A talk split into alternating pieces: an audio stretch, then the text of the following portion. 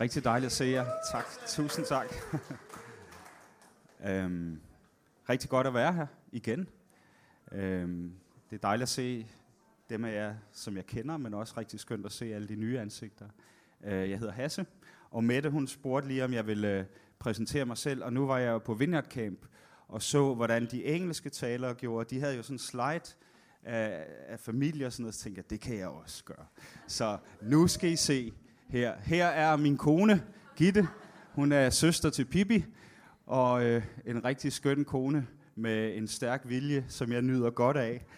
Og øh, det næste billede er mine tre piger.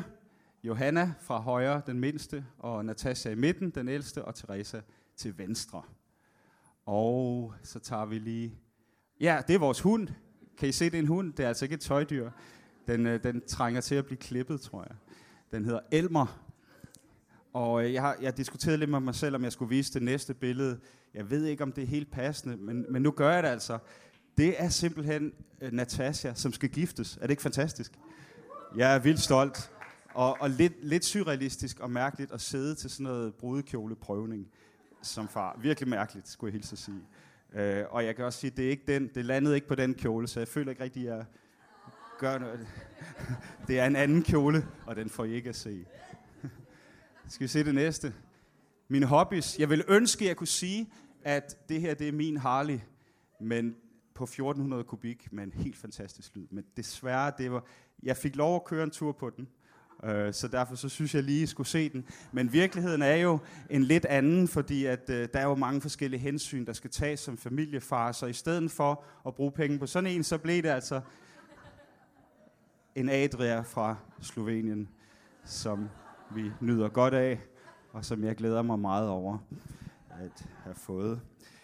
Ja, øh, jeg øh, øh, boede i Aalborg i, øh, for, for mange år siden. Vi, Kit og jeg, vi flyttede til Aalborg, efter vi er blev gift, boede deroppe. Og så øh, fik jeg kontakt med Flemming Mølhed, og øh, kom ned og blev lovsangsleder i Års øh, Frikirke. Og der sad vi så en aften i 2006, nej, vrøvl, 96, det er mange år siden, og snakkede om, øh, og Flemming havde fået den tanke, eller den drøm, jeg har hørt visionen mange gange, plante vineyardkirker. Og øh, vi snakker om, kunne, vi, kunne man plante en vineyardkirke i, i København, og hvordan skulle det se ud? Hvordan ville det være at plante en kirke? Og, og resultatet var, at vi var et lille gruppe, der tog til København øh, i 97 og startede København Vineyard. Og jeg har fået den store ære og glæde at være med øh, som lovsangsleder og præst her i kirken de første 12 år af dens levetid. Øh, og det var ikke øh, super hurtig vækst i starten, skulle jeg hilse at sige. Men øh, fantastisk oplevelse. Og i starten der mødtes vi inde på, øh, inde på Vesterbrogade i Kulturhus, som færingerne havde, det færøske hus, hvor vi gik hver eneste gang, og hver eneste søndag og slæbte lyd ind, og satte lyd op, og havde lovsang og så videre, og så er det ligesom vokset derfra. Øh, så I kan godt for, for øh, otte år siden, der oplevede Gitte og jeg, at vi øh, skulle til, eller vi fik et kald, at vi skulle til Roskilde og være med til at lede Vindhjertkirken der. Og så for fire år siden, til vores store overraskelse, så oplevede vi igen, at Gud talte om, at vi skulle noget andet, og det endte faktisk med, at vi flyttede til Bornholm, og øh, jeg er nu præst i Nexø Frikirke. Øh, rigtig spændende, og øh, vi er blevet nu, øh, igen har vi sluttet ringen lidt, og vi er blevet venner af Vineyard, og det er en stor glæde for mig personligt. Øhm, så da jeg hørte, at Vineyard skulle starte i Rønne, så kan jeg godt regne ud, hvor begejstret jeg blev. Ikke?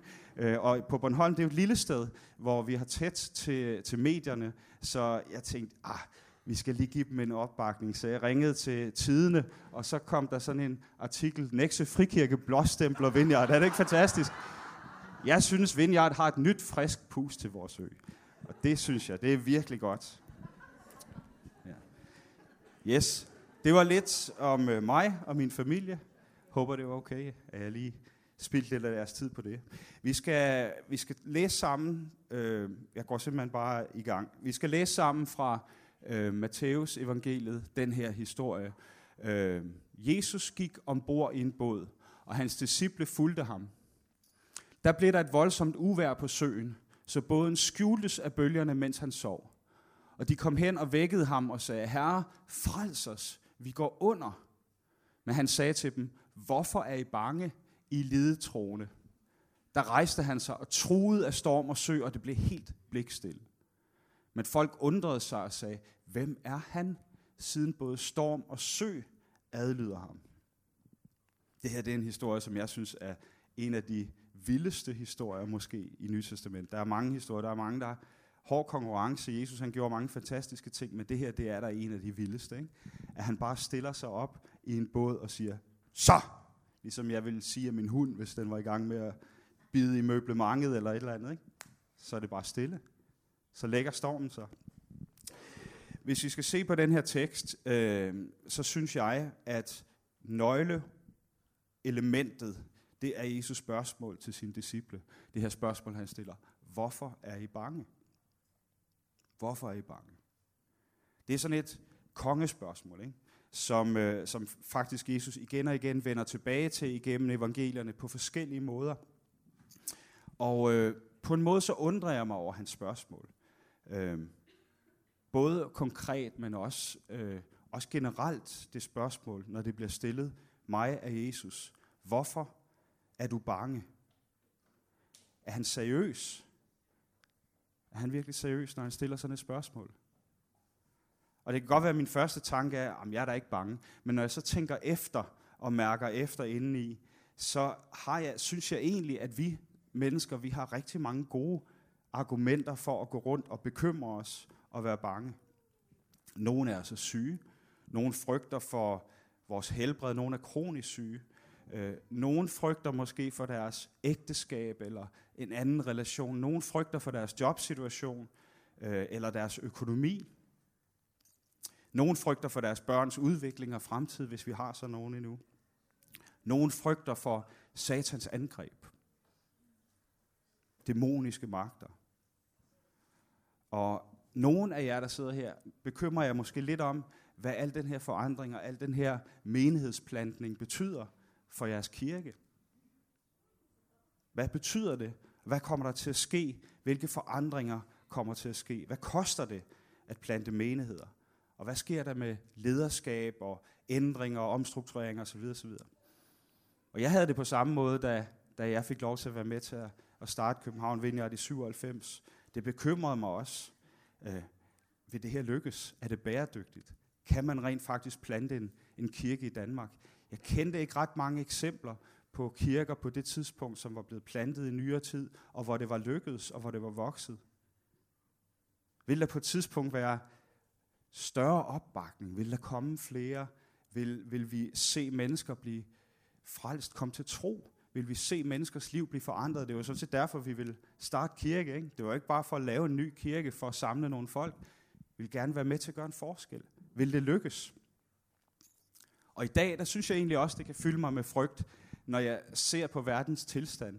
Jeg håber ikke, at øh, I sidder og bliver alt for negative og deprimerede, øh, men hvis vi er ærlige over for os selv, så tror jeg, at og se, når vi ser nyhederne, må ikke vi så også fra tid til anden bekymre os lidt om alle de her krige, der foregår rundt omkring, terrorhandlinger, øh, atomvåben, oprustning.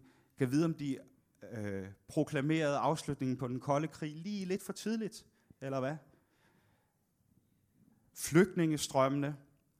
Der er jo nogen, der siger, der er jo nogen, der påstår, at inden for den kommende, nu, nu ved jeg godt, at, at der ikke er nær så mange, den er aftagende i Danmark her de sidste par år, flygtningestrømmen. Øh, men, men der er jo nogen, der påstår, at vi står over for den største bevægelse af befolkningen globalt set øh, nogensinde. Vi har aldrig set noget, der ligner det. Med moderne teknologi, så kan folk se, hvad der foregår rundt omkring andre steder i verden, og de får lyst til at bevæge sig hen et sted, hvor der er bedre muligheder for dem selv og deres familie, nogen påstår, at vi i årene fremover vil se op til en milliard mennesker bevæge sig fra verdens fattigste områder til verdens rigeste områder. Hvad betyder det? Hvordan, hvad betyder det globalt for vores, for vores verden, hvis det virkelig sker? For ikke at tale om klima og så videre, så videre. Jeg, jeg kunne blive ved. Frikirkerne er under pres i Danmark, det ved jeg ikke, om I er klar over. Der bliver, vi bliver marginaliseret, øh, vi får begrænset vores ytringsfrihed, vi bliver slået i hardcore, med alt muligt andet religiøse grupper uden for den lutherske kirke. Og det udfordrer os. Det udfordrer i hvert fald mig. Men Jesus han stiller grundlæggende spørgsmålet her, tror jeg. Ikke for at gøre grin med, med nogen, øh, eller håne disciplene, men åbenbart fordi han faktisk undrer sig. Han vil gerne høre svaret. Hvorfor er I bange?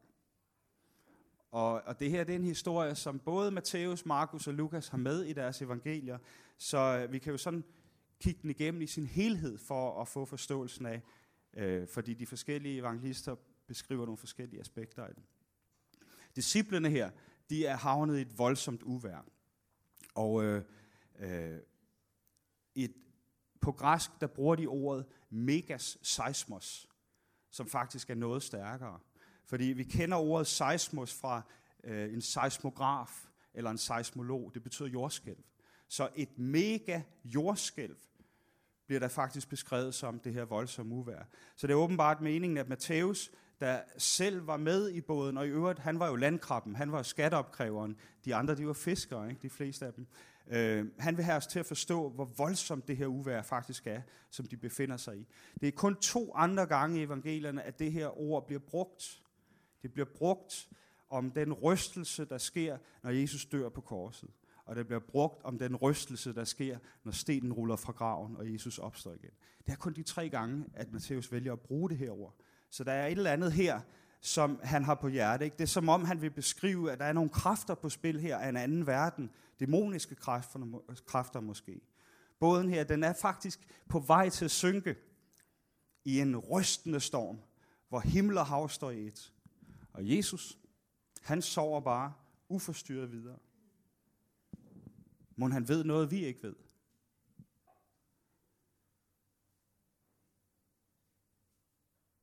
Det var en pludselig storm. Ingen havde forudset den. Jeg tror, hvis disciplene havde vidst, at der var en storm på vej, så havde de selvfølgelig ikke taget ud i båden. Vel?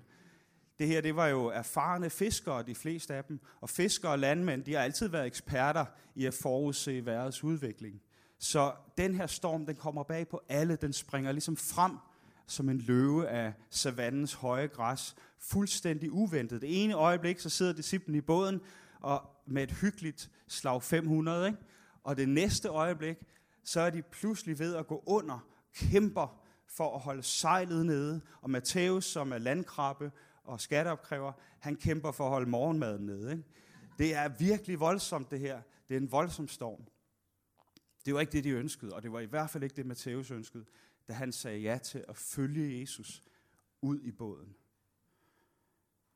Og der kan man jo tænke, er det ikke uretfærdigt? Er det ikke uretfærdigt, at når vi følger Jesus ned i båden, så ender vi nogle gange i sådan en pludselig, voldsom, uventet storm?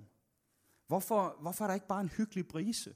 Hvorfor ikke en smuk solnedgang? De havde jo travlt, de var i fuld gang med, at Jesus prædikede, og der var masser af mennesker, der blev helbredt, og der var tegn og under, og dæmoner blev uddrevet, og nu skulle de så over på den anden side, hvor det hele startede forfra. Ikke? Hvorfor ikke en hyggelig tur, hvor de kunne slappe lidt af og, og hygge sig, øh, mens de skulle over og få ladet batterierne op? Hvorfor skal det give så voldsomme problemer nogle gange, når man følger Jesus? Nogen måske selvforskyldt, men andre helt uventede og retfærd, uretfærdige, som den her storm.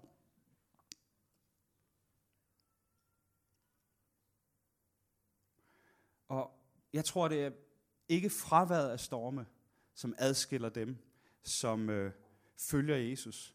Men det må være ham, som de opdager midt i stormen. Det må være ham, der gør forskellen.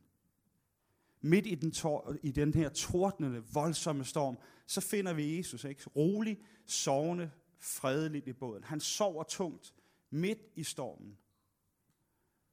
Det ved jeg ikke, om du vil kunne gøre. Jeg ved ikke, om jeg vil kunne. Nogle af os, vi har svært ved at sove tungt på en blød madras i et stille rum.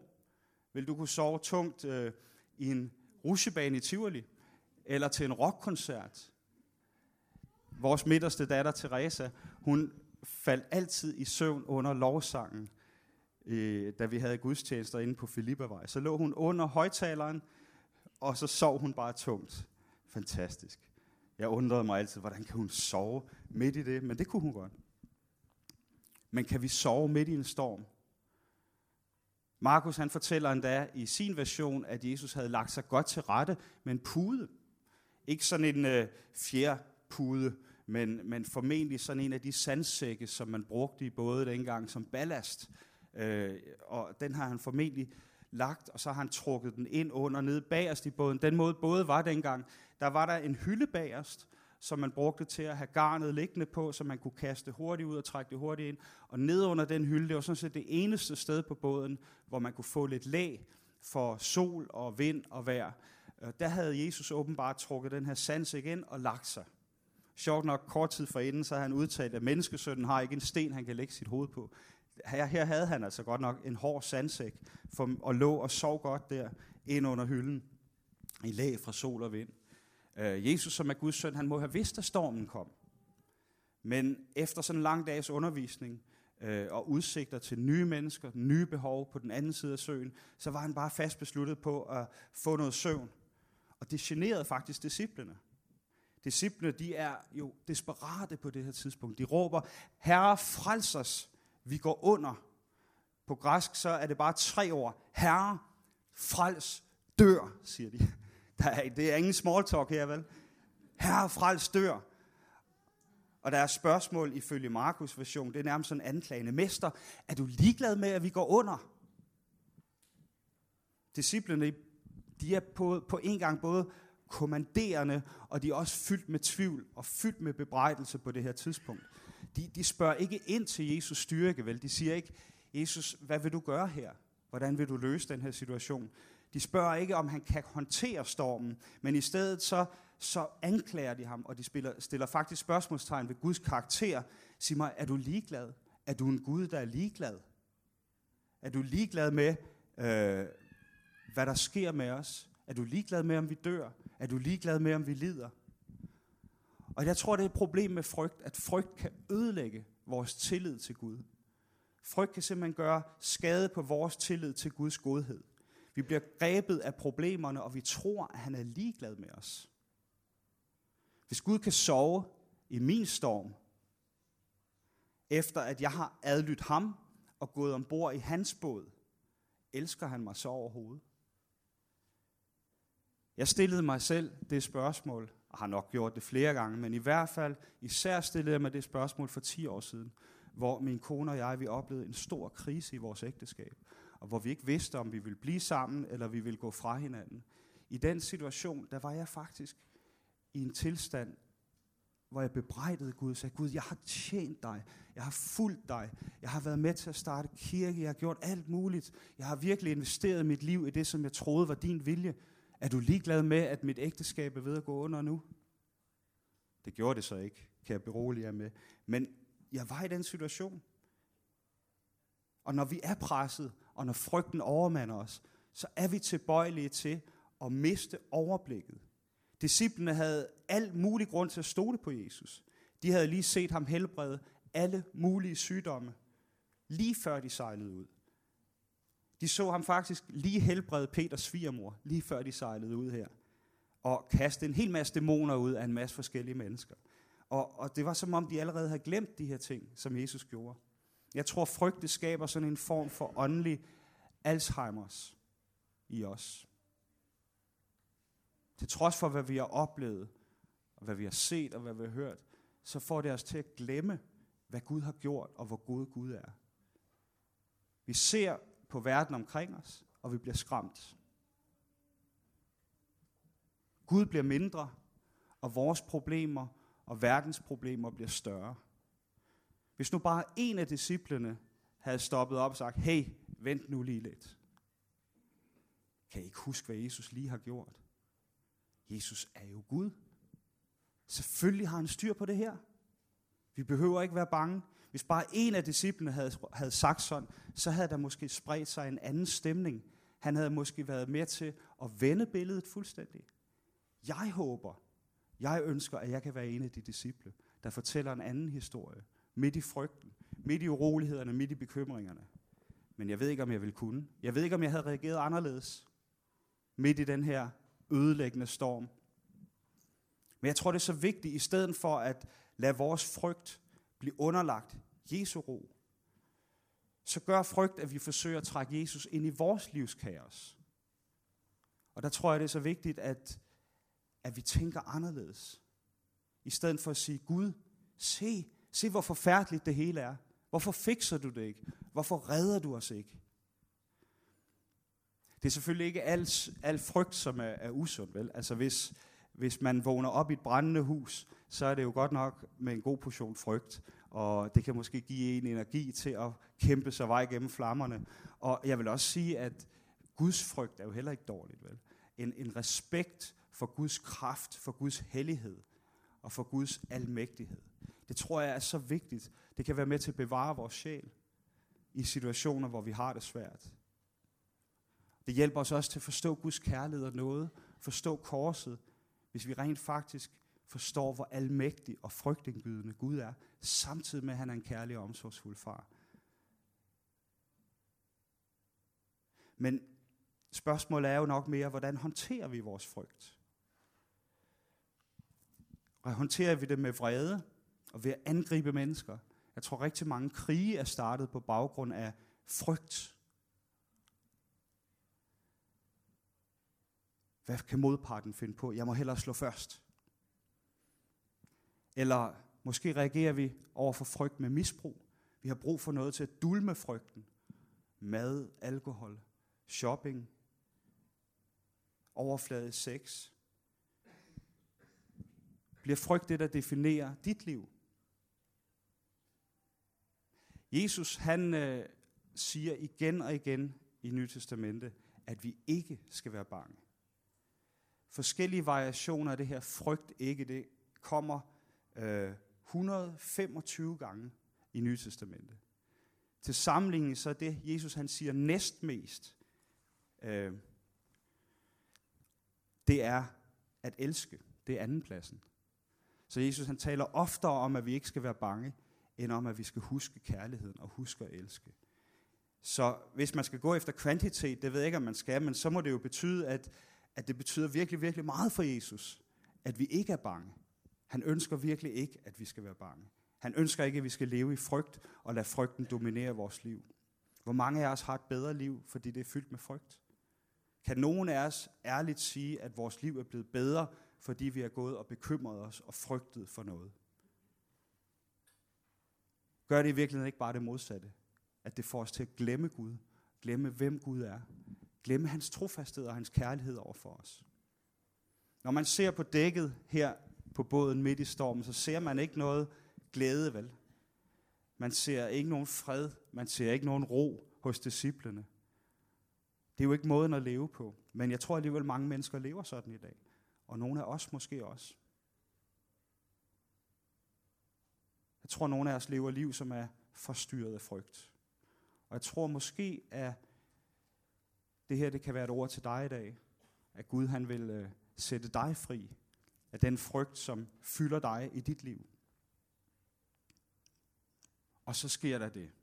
Så kommer klimaks. Ikke? Så rejser Jesus sig op. Han stiller spørgsmålet, hvorfor er I bange? Efter at han har stillet stormen.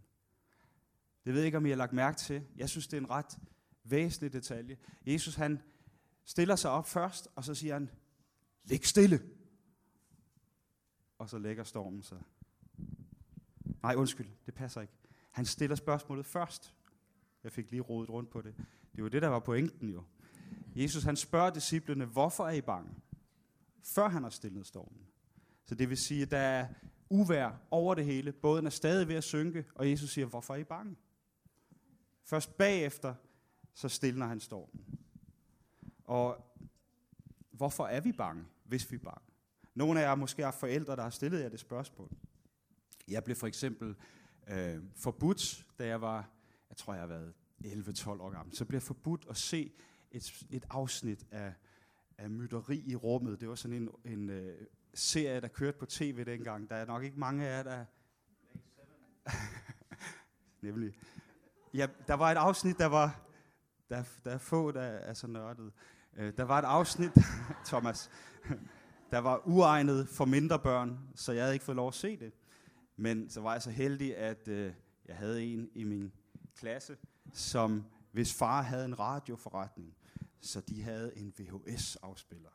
Det var der ingen andre, der havde på det her tidspunkt, og de havde optaget den. Så vi tog hjem, vi drenge, vi tog hjem til ham efter skoletid, og så så vi den her. Nu var mit problem, at jeg var meget let på virkelig. Jeg blev simpelthen hunderad. Jeg blev så bange for den her, det var et eller andet øh, nedfrosset rumvæsen, som de fik ind, og så tøede den op, og så gik den rundt på rumskibet og spredte frygt. Øh, selvfølgelig helt ufattelig dårlig øh, teknik, men for mig dengang var det jo redsels gruopvægtende. Så en, jeg tror to måneder efter, det bliver i hvert fald ikke dårligt ved at overdrive det. Lang tid efter, så tog jeg ikke gå hjem, når jeg kom hjem fra skole. Det var sådan, at min mor hun fik fri og kom hjem en time efter jeg. Så i lang tid efter, der sad jeg ude på trappestenen, og hvis det regnede, så gik jeg ind i garagen og stod og ventede på, at min mor skulle komme hjem. Fordi jeg tog ikke gå ind i huset. Det var koldt, og det var ikke så sjovt. Når min mor så kom hjem, så stillede hun jo det her spørgsmål. Men hvorfor er du bange, Hasse? Der er jo ikke noget at være bange for. Der er jo ikke noget inde i huset. Der er jo ikke et monster, som går rundt derinde og venter på, at du kommer ind for at angribe dig. Men det er jo ikke altid rationelt, vel? Frygt er ikke altid rationelt. Det kan gribe os. Selvom vi kan forsøge at overtale os selv til, at der er ikke noget at være bange for her, så kan det gribe os. Jesus han gav en enkelt befaling til stormen. Han sagde, læg dig. Og den her voldsomme, rystende storm, den blev med ét stille. Og disciplene, de står der og klør sig selv i deres våde skæg. Ikke? Og siger, hvem er den her mand, siden både storm og sø adlyder ham? Hvad er det dog for en mand? Hvad er det, Gud er i stand til? Er der må nogen mulighed for, at Gud han ser på de rystende storme i vores liv, på samme måde som øh, min mor betragtede min frygt for rummonstret? er det muligt, at ved at spørge, hvorfor er du bange, så viser Jesus faktisk i virkeligheden, at du og jeg aldrig behøver at frygte noget som helst nogensinde igen. Kunne det være, at frygt kunne blive noget, som vi fremover kun ser i bagspejlet? Fordi vi får en åbenbaring af en frelser, som er så stærk, er så kærlig, er så god, at selv den stærkeste storm må adlyde ham, og vi ved, at han ser os, og vi ved, at han er trofast. Måske er løsningen, at i stedet for at stå der og kæmpe for at overleve på båden, at vi så simpelthen lægger os hen ved siden af Jesus. Simpelthen på hans pude. Tænk, hvis Jesus kan sove her, så kan jeg også sove her. Så det kan godt være, at vi ikke kan falde i søvn, men vi kan i hvert fald lægge os ned og slappe af ved siden af Jesus i stedet for desperat at forsøge at bekæmpe stormen i vores egen kraft. Jeg skal til at slutte af, men jeg lige fortælle jer en enkelt historie til. Øh, I, øh, et års tid efter, at vi øh, var startet op med at plante København Vineyard, der var vi øh, nogle stykker herfra på konference i Jødeborg. Jeg ved faktisk ikke, om der er nogen her i dag, som var med. Var I med, Carsten og Monika? Nej, der var, øh, der var en konference, der var en, en englænder, der hed Bob McKenzie, som havde startet en vineyardkirke i Exeter. Han er desværre død i dag. Han var der som taler, og øh, han havde et profetisk ord til os, til teamet fra København. Vi, øh, han kaldte os frem, og så sagde han, ved hvad, jeg har to ord til jer. Keep your eyes off numbers and have fun.